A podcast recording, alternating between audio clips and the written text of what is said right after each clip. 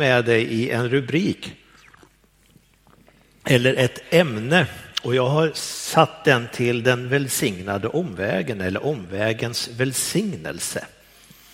Och då kan man ju fundera på vart man ska ta vägen i det ämnet. Den är ju ganska random så att säga. Men eh, häng med. När jag var liten, så där en sju år, det var på den tiden som jag hade lite mer hår på knoppen. Jag var lite kortare. Och då bodde jag i ett litet samhälle som heter Skultorp. Är det någon som vet var Skultorp ligger?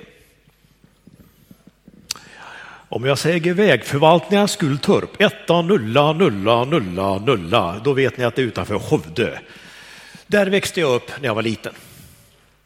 Det var inget stort samhälle, men som sjuåring så är det ganska stort. Det var väldigt stort.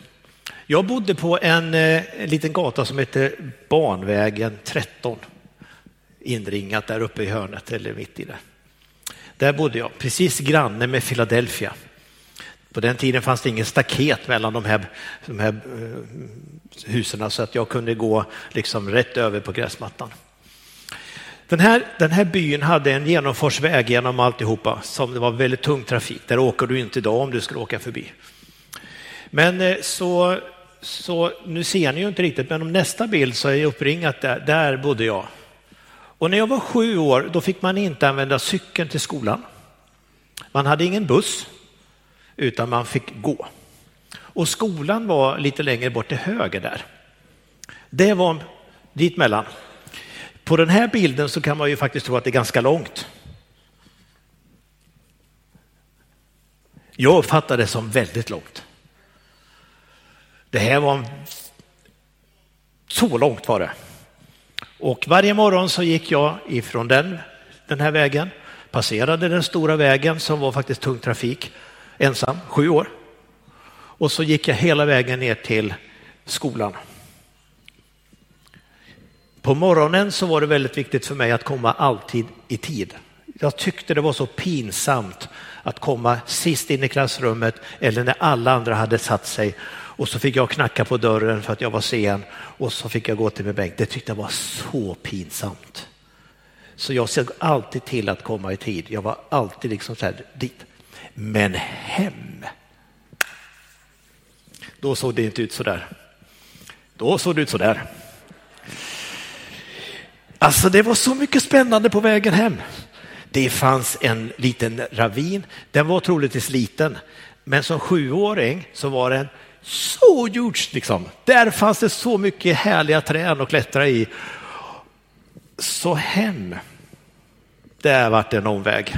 Jag träffade min mamma i söndags. Vi var iväg till lite historiska grejer omkring vår familj och så, så berättade jag för henne och, så att jag skulle predika om det här. Och då frågade jag henne ungefär så här, du, har du någon aning om hur det gick när jag gick hem? Nej. Och jag såg liksom på hennes ögon att det fanns en liten fundering på, vad har jag missat? En sjuåring går hem och idag, 56 år gammal, talar om för sin mamma, du vet, jag gick inte raka vägen hem. nej, nej, nej, nej, jag gick omväg. Det fanns så mycket spännande på min väg hem från skolan. Om du hade gått den här vägen så tar det ungefär 13 minuter. Det tar det inte för en sjuåring på vägen hem. Det kan jag lova. Jag upptäckte att eh, Skultorp var ganska stort. Jag upptäckte att det fanns massa olika härliga trän och andra komp med kompisar. Ja. Efter en stund när jag gick hem så upptäckte jag att jag var rätt ensam. Alla andra hade gått hem till sig, men inte Peder. Nej, nej, nej, nej. Han tog sin lilla omväg. Låt mig få läsa ett sammanhang ur Andra Mosebok, det, eh, 13, Andra Mosebok 13 och några versar. Så här står det. När farao hade släppt folket ledde Gud dem inte den väg som går till filisternas land, fastän den är den genaste. Gud tänkte att de kunde ångra sig och återvända till Egypten om de märkte att de skulle råka i strid. Istället lät han dem ta en omväg genom öknen mot Sävhavet. Israeliterna var ordnade som en krigshär när de drog ut ur Egypten. Om dagen gick Herren framför dem i en månpelare eh, för att visa dem vägen och om natten gick han in i en eldspelare för att lysa dem. Så kunde de vandra både dag och natt. Månpelaren gick ständigt framför dem om dagen och eldpelaren om natten. Och så går vi till kapitel 14 och så vers 13. Moses svarade, var inte rädda, stanna här, idag ska ni bli vittnen till den seger som Herren vinner åt er. Ty så som ni ser Egypterna idag ska ni aldrig någonsin se dem mer. Herren skall strida för er och ni skall vara tysta. Eller som en annan översätter, hålla er stilla, vara stilla därvid. Ska vi be. Herre, tack att du vill vara med oss en liten stund då vi ska dela ditt ord och tankar med varandra. Jag ber dig helige Ande att du skulle vara med och måla bilden och eh, hjälpa oss att förstå hur det här kan liksom appliceras in i våra liv. Herre, tack att det finns en välsignad omväg. Jag ber dig helige Ande att du är med oss den här stunden. Amen. Israels folk skulle vandra ut eller vandra hem. Och de, de hade en, en, egentligen en ganska kort väg att gå. Men Gud bad dem att gå en omväg. Och nu ska vi inte gå in i hela Israels uttåg eh, ur Egypten till Kanas land. Men ha med dig den bilden i att eh, Gud ledde dem på en omväg som han var med hela tiden. Han hade en molnstod, han hade en eldstod och i deras liv, och skulle du läsa hela historien, vilket du kan göra efter lunch idag, så kommer du märka att hela deras vandring var kantat med, med olika avbrott, omvägar och det tog ganska lång tid. Det tog inte den genaste vägen utan de tog en omväg. Och Gud fick på olika sätt bevisa sin kraft och sin makt över det folket. Jag har funderat på omvägens välsignelse, om omvägens reflektion. Alltså, vi människor är ibland så att vi vill gärna gå från A till B snabbt. Du har säkert satt på din GPS och sätter in start och stopp och blir rätt irriterad om den blir en längre väg än vad du hade tänkt dig. Alltså vi vill gå straight, liksom. det ska gå, gå raka spåret. Vi vill inte få en omväg. Så stressar vi från A till B. Vi hinner ibland inte ens göra som jag gjorde ute i skogen där och hitta på saker och kolla lite extra grejer, utan det är liksom direkt. Jag skulle vilja påstå att det där talesättet att det är resan som är själva grejen kanske vi skulle fundera lite grann på. Jag menar, Eh, en del säger att semesterresan, det är ju själva resan, det är ju inte resmålet utan det är ju liksom hela vägen dit. Alltså då man sitter där i bilen eller går på den där vandringen och pratar med varandra och, och så råkar man se det där och du vet. Det är själva resan som är själva målet, inte målet i sig. När vi har varit ute och rest så har det oftast varit jag som har kört. Alltså det där med att köra, nu Fabbe får du trycka ett par gånger där. Så det, nu vart det för långt, ta tillbaka igen. När, när jag har kört bil så har jag lagt märke till att familjen för övrigt har varit den som har sett runt omkring. De har kunnat säga, åh, kolla där, åh, titta där, men jag, jag kör bara. De har sett mycket, mycket mer än vad jag har sett. Är det någon chaufför som känner igen sig kanske? Alltså man, man ser inte så mycket utan man behöver stanna ofta. Och med tiden så när jag har blivit lite äldre har jag fattat att pausar är ganska bra för då får jag också se någonting. Alltså ibland tror jag det skulle vara väldigt bra om vi satte oss bredvid en stund. Så att livsvandringen ihop med Jesus fick vara en en, att sitta bredvid och titta på. Inte vara alltid den som kör. Att kunna ta den där stunden att bara få, få njuta av det, men också upptäcka.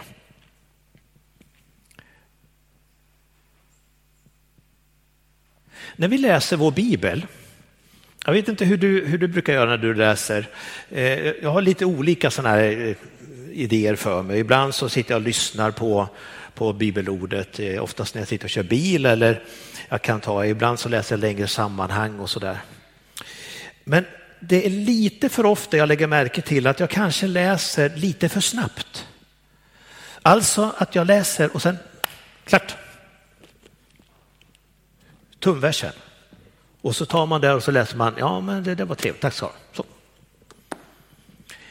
Ibland tror jag att vi skulle behöva ta en omväg i vårt bibelläsande. Alltså att, att få ta och, och gräva lite djupare. Att få läsa parallellversen.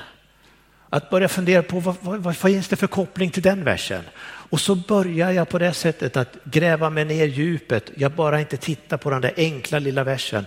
Utan helt plötsligt så börjar också den helige ande att börja tala till dig och mig. När vi, vi tar inte den snabbaste vägen genom bibelordet. Utan får jag kalla det för omvägen? Alltså jag tar det där och läser det i ett större sammanhang eller jag Ta parallellversen och titta på, aha, finns det den kopplingen, vad spännande, det kan ge mig någonting. Och så på det sättet så, så börjar det hända någonting, jag börjar reflektera och stannar upp, anden börjar bearbeta texten. Helt plötsligt så, så börjar någonting inom mig tala och så blir versen mycket, mycket mer än vad jag trodde det var. Jag tar en liten extra omväg i mitt bibelläsandet. Och så på något sätt händer det någonting i mig. Bibelordet förklaras och det manifesteras i mig. Jag blir ett med det. Har ni varit med om den hungriges bön? Mat, halleluja, amen. Japp.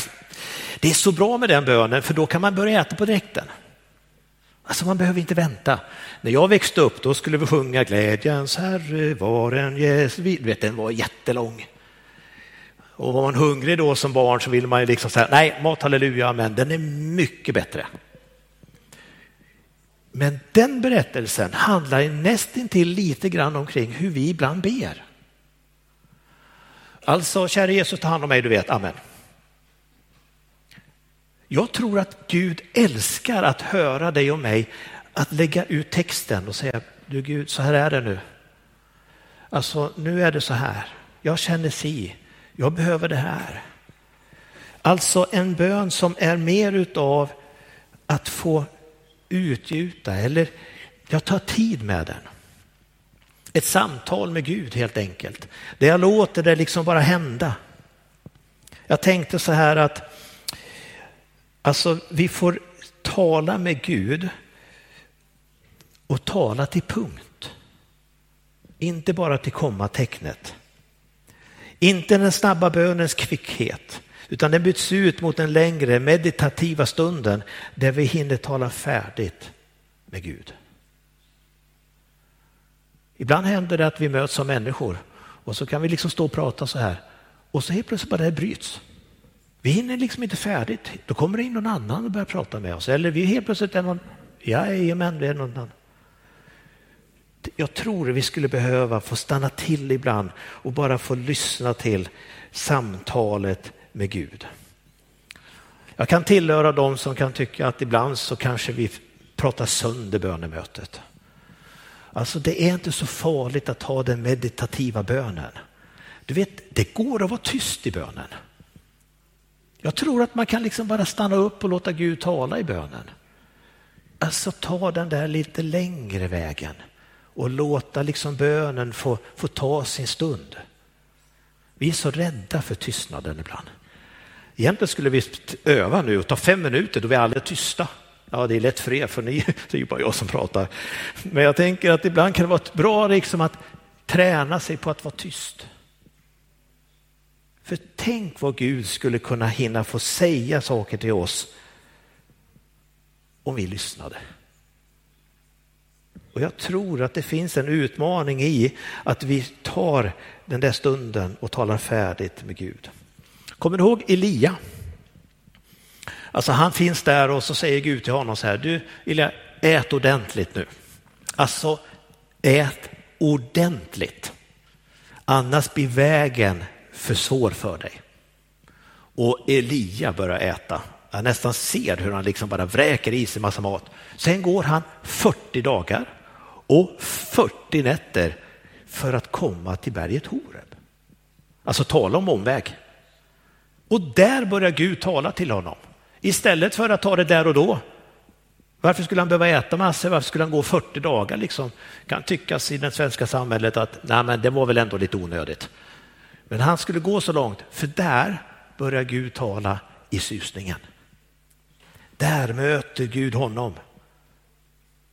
Hade han kunnat tala med honom? Ja, det är klart att Gud hade kunnat tala med honom innan. Men det fanns en tanke bakom att Elias skulle gå den där sträckan och vara i det där berget för att komma ut och förstå att han fanns inte i åskan, han fanns inte i jordbävningen, han fanns inte i den där stormen. Utan när Gud ville tala med Elia så skulle Elia liksom dra sig undan in i ett berg. Och där skulle Gud komma i viskningen. Och så skulle han börja tala med Elia och där får han ett samtal med Gud. Tänker på Samuel. Den lille Samuel. Han hör någon ropa men tror att det är prästen som ropar. Och tredje gången så får han förståelse för att det är Gud som ropar. Och så säger han, tala Herre, din tjänare hör. Jag tänker att det finns en träning i att kunna lyssna in vem det verkligen är som talar. Var inte rädd för omvägen i livet. Var inte rädd. Det kanske är så att den här omvägen som du just nu går i eller ska föras in i, den är en tid då Gud tänker något särskilt. Det är inte en straffrunda där man har missat skottet på skyttevallen i skidskyttet. Så du måste åka en extra sväng. Utan den här omvägen vi talar om, det är en välsignelses omväg. Där Gud får möjlighet att börja slå följe med dig och gå med dig en liten sträcka extra. Så när väl vägen öppnar sig, den där som du trodde var så rak, då är du förberedd på att gå in där, för du har som sagt blivit förberedd på det. Du är redo. En omväg är inte alltid en fel väg. En omväg i vårt tycke när vi ska åka från A till B, ja det är helt fel. Det kostar mer bensin och du vet allting det där. Och man missar massa, tycker man. Men den, den är inte fel. Det är lite grann av Bibelns uppmuntran till bli stilla och besinna. Eller som texten säger, en liten stund med Jesus. Och vad den jämnar allt och ger åt hela livet en ny och ljus gestalt. När jag är trött av vägen och allt som möter mig, en liten stund med Jesus och allt förändrar sig. Eller som vers 5 säger, en liten stund med Jesus, vad kraften har med sig. Vad lusten ger att vandra på Herrens viljas stig, vad moden ger att leva och lida för hans namn, en ljuvlig försmak redan av vilan i hans famn.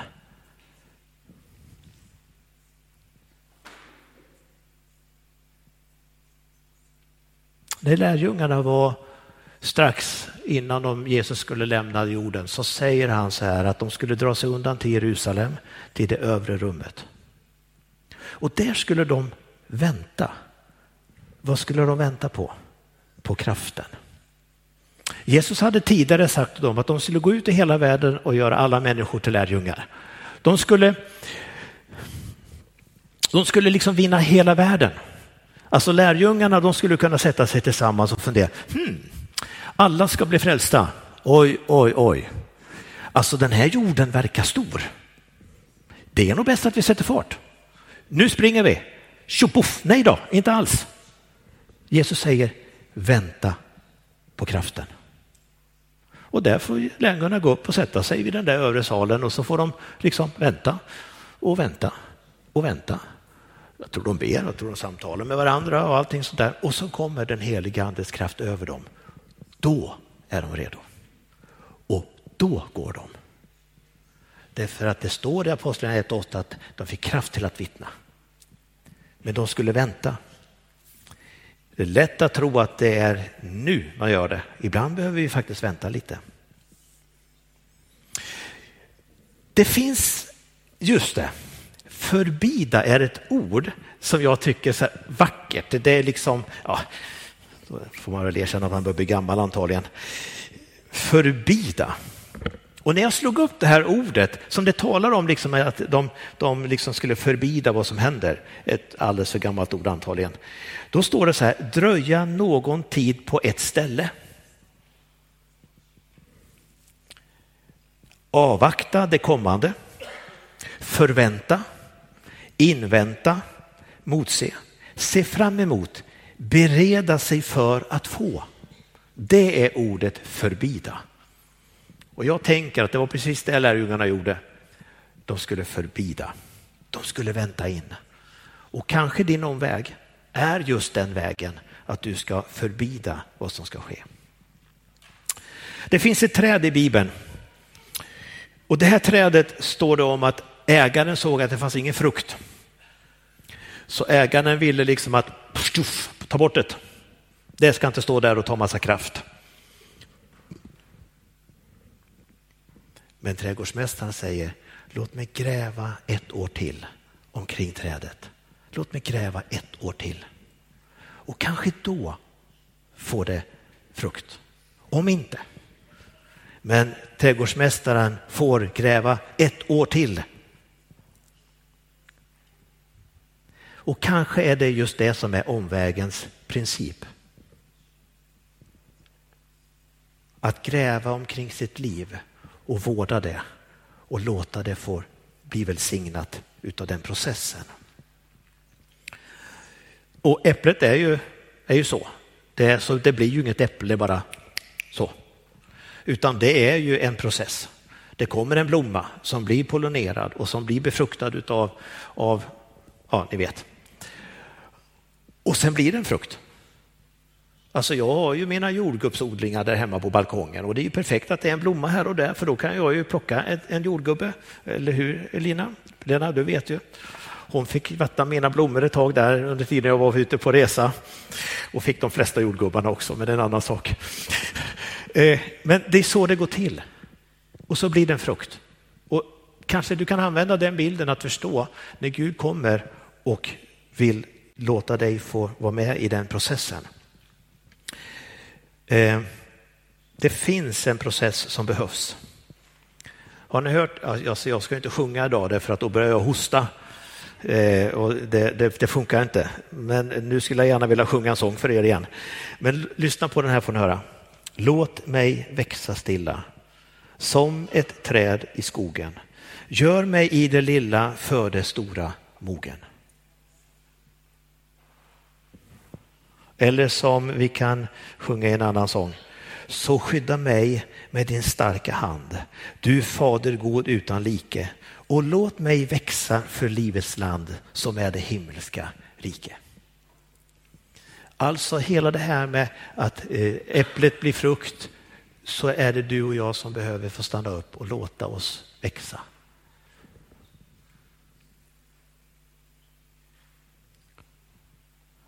När jag, när jag hade mitt lilla hus i Julita så, så hade jag eh, rätt stora träd som jag skulle såga ner och så skulle jag eh, på det sättet eh, få virke till att bygga mig ett hönshus.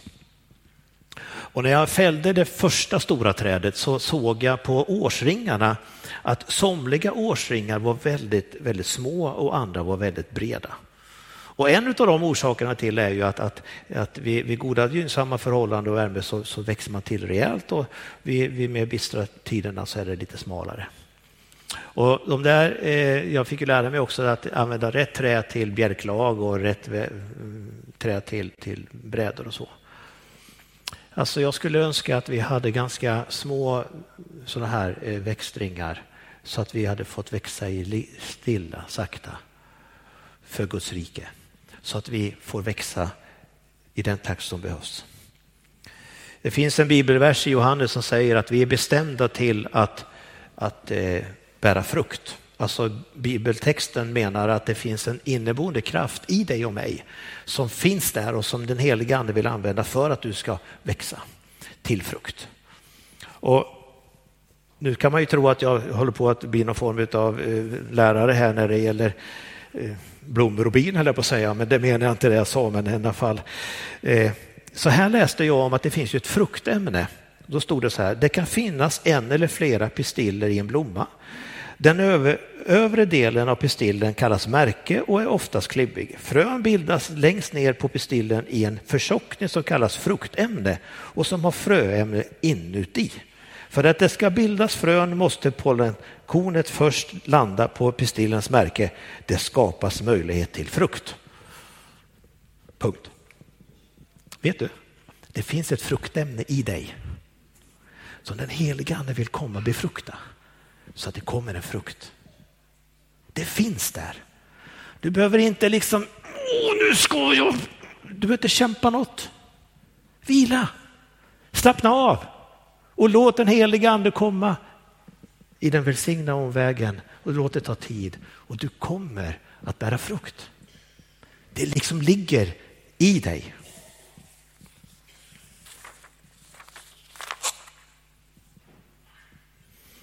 I Kronskogen, det vet ni väl alla var den är någonstans, där jag bor ganska nära.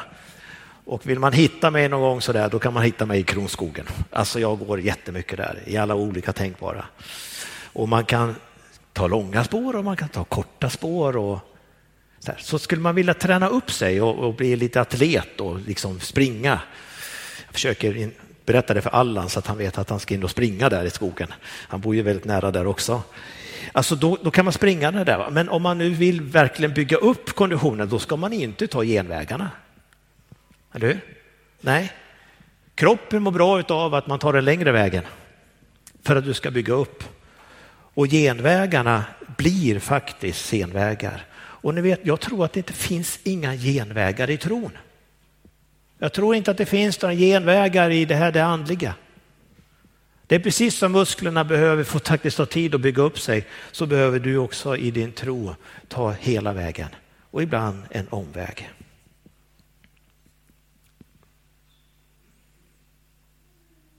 När jag gick där på eh, häromdagen så fick jag för mig att jag skulle, att jag skulle ta en annan väg.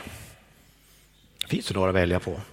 Om man är vanemänniska så man går ju oftast in på den vanliga vägen och så går man den där, vet, men den här gången så tog jag lite ett annat spår. Och där möter jag en kvinna som går med sin hund.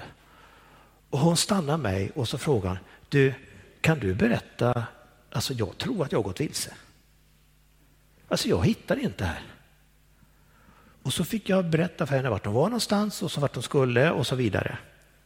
Och jag tänkte att Jesus går till Samarien.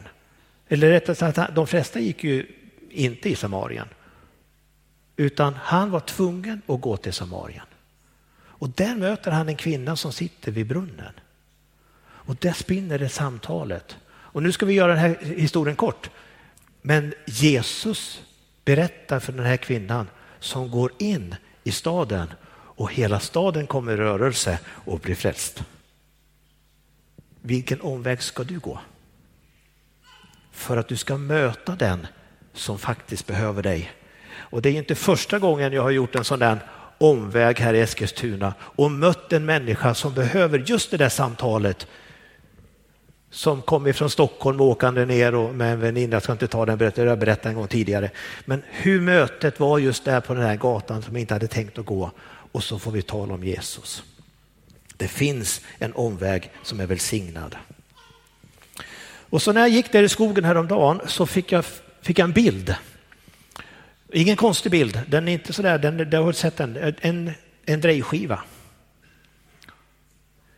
Tänk om den här keramikern helt plötsligt upptäcker att drej, alltså leran, bara drar iväg. Nej, men nu vill inte jag vara med längre. Nej, nej, nej, nej. Nu tycker jag inte det här var kul längre. Utan lerklumpen, han bara bestämmer sig för att sticka iväg. Ganska snopet. Det skulle väl antagligen inte ske, men, men tänk er bilden. Ska vi se vad Jeremia skriver i texten. Då gick jag ner till krukmakarens hus och såg att han arbetade på drejskivan och kärlet som han höll på att göra av leran misslyckades i hans hand. Då började han om och gjorde till ett annat kärl så som han ville ha det. Och jag tänkte så här, tänk om du och jag, där Gud håller på att forma oss på drejskivaren, får för oss att vi ska lämna drejskivan när inte han är klar. Alltså Gud måste bli snopen då. Han håller på liksom och formar dig och tänker en tanke, så här ska det vara, så här är tänkt för dig. Och så får du för dig helt plötsligt, och jag med kanske, bara, nej nu vill inte jag vara med längre. Vi behöver vara kvar på drejskivan hos Gud hela vägen. Så att han får forma dig och mig så som det var tänkt.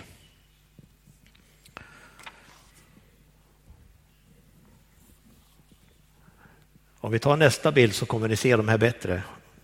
Alltså jag har ju monopol hemma. En av de här så står det så här, gå tre steg tillbaka och en går vidare till gå. Och jag bara tänkte liksom, wow, ibland behöver vi gå tre steg tillbaka.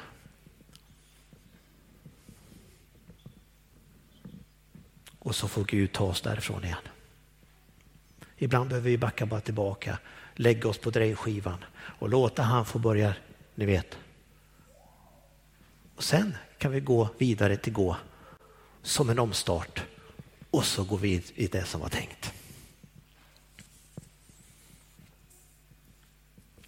En bild till innan vi landar. Marta och Maria. Jesus kommer till, till, eh, till deras hem och som vanligt så, så gör vi som vi brukar. Eh, vill ni ha någonting att äta? Visst? Och det ska lagas mat och det ska grejas och det ska ta fram fikat för vi verkar bara kunna umgås över en kopp kaffe eller te eller något annat. Likadant var det här. Men Maria hon sätter sig vid Jesus. Och Marta blir lite frustrerad. Ska hon verkligen sitta där när jag gör allt det här? Här ska det lagas mat och här ska det ju där. Då säger Jesus ungefär så här. Maria har valt den goda delen det ska inte tas bort ifrån henne. Och du vet, jag tror inte Jesus menar att marktjänsten var fel. Jag tror inte att Gud, Jesus menade att, att eh, ser du, laga mat får man inte göra, kaffe ska man inte sätta på och så vidare. Men han säger någonting i den här berättelsen, tänker jag, som är lite djupare. Det finns mycket som är viktigt, men det här är viktigast nu. Att sätta sig vid Jesu fötter. Och det är det jag tror är själva nyckeln i omvägens välsignelse. Det finns så mycket som är viktigt. Det finns så mycket som är bra. Men nu är det en annan tid. Nu är det en tid där vi får stanna upp. Jag tror att Gud har en hälsning till oss den här dagen. Och det är att han vill säga, jag vill få tid med mitt folk. Jag vill få tid med dig. Jag vill inte att du springer från A till B snabbt. Jag vill inte att du bara ber den där hungriges bön. Jag vill att du börjar ta din omväg och börjar söka dig nära Gud. För jag tror att när vi gör den omvägen så kommer Gud ansluta sig till dig försiktigt varmt och så kommer han bara slå följe med dig. Och där börjar en ny vandring tillsammans med Jesus på den välsignade omvägen. Där han får börja liksom tala och hinna tala till punkt. Hur ser din omväg ut? Vart är den någonstans? Ibland är min omväg Kronskogen. Där, där kan jag gå i min stillhet och tala med Gud. Vart är din omväg? Det är för jag tror att Gud har en maning till dig och mig. Jag vill få tid med mitt folk. Jag vill få tid att prata med dig. Jag vill inte att du rusar iväg. Jag vill inte att du springer iväg från A till B som en skållad råtta. Jag vill stanna med dig.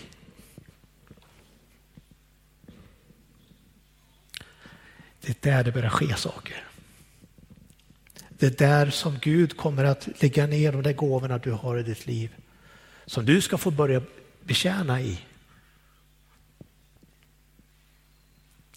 Men Gud vill säga till dig idag, jag vill ha din tid.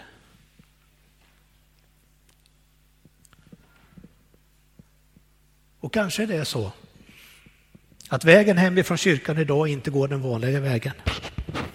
Kanske är det så att du tar en liten omväg för att bara få vara ensam med Gud.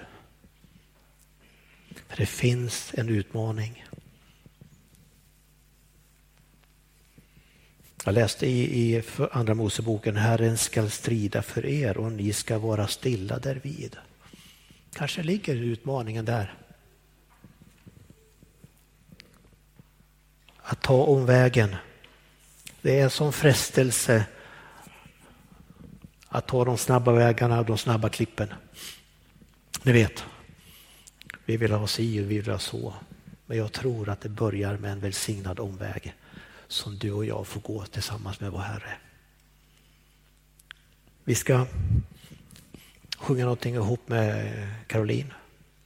Vägen till förbönen är, är öppen för dig som vill ha förbön.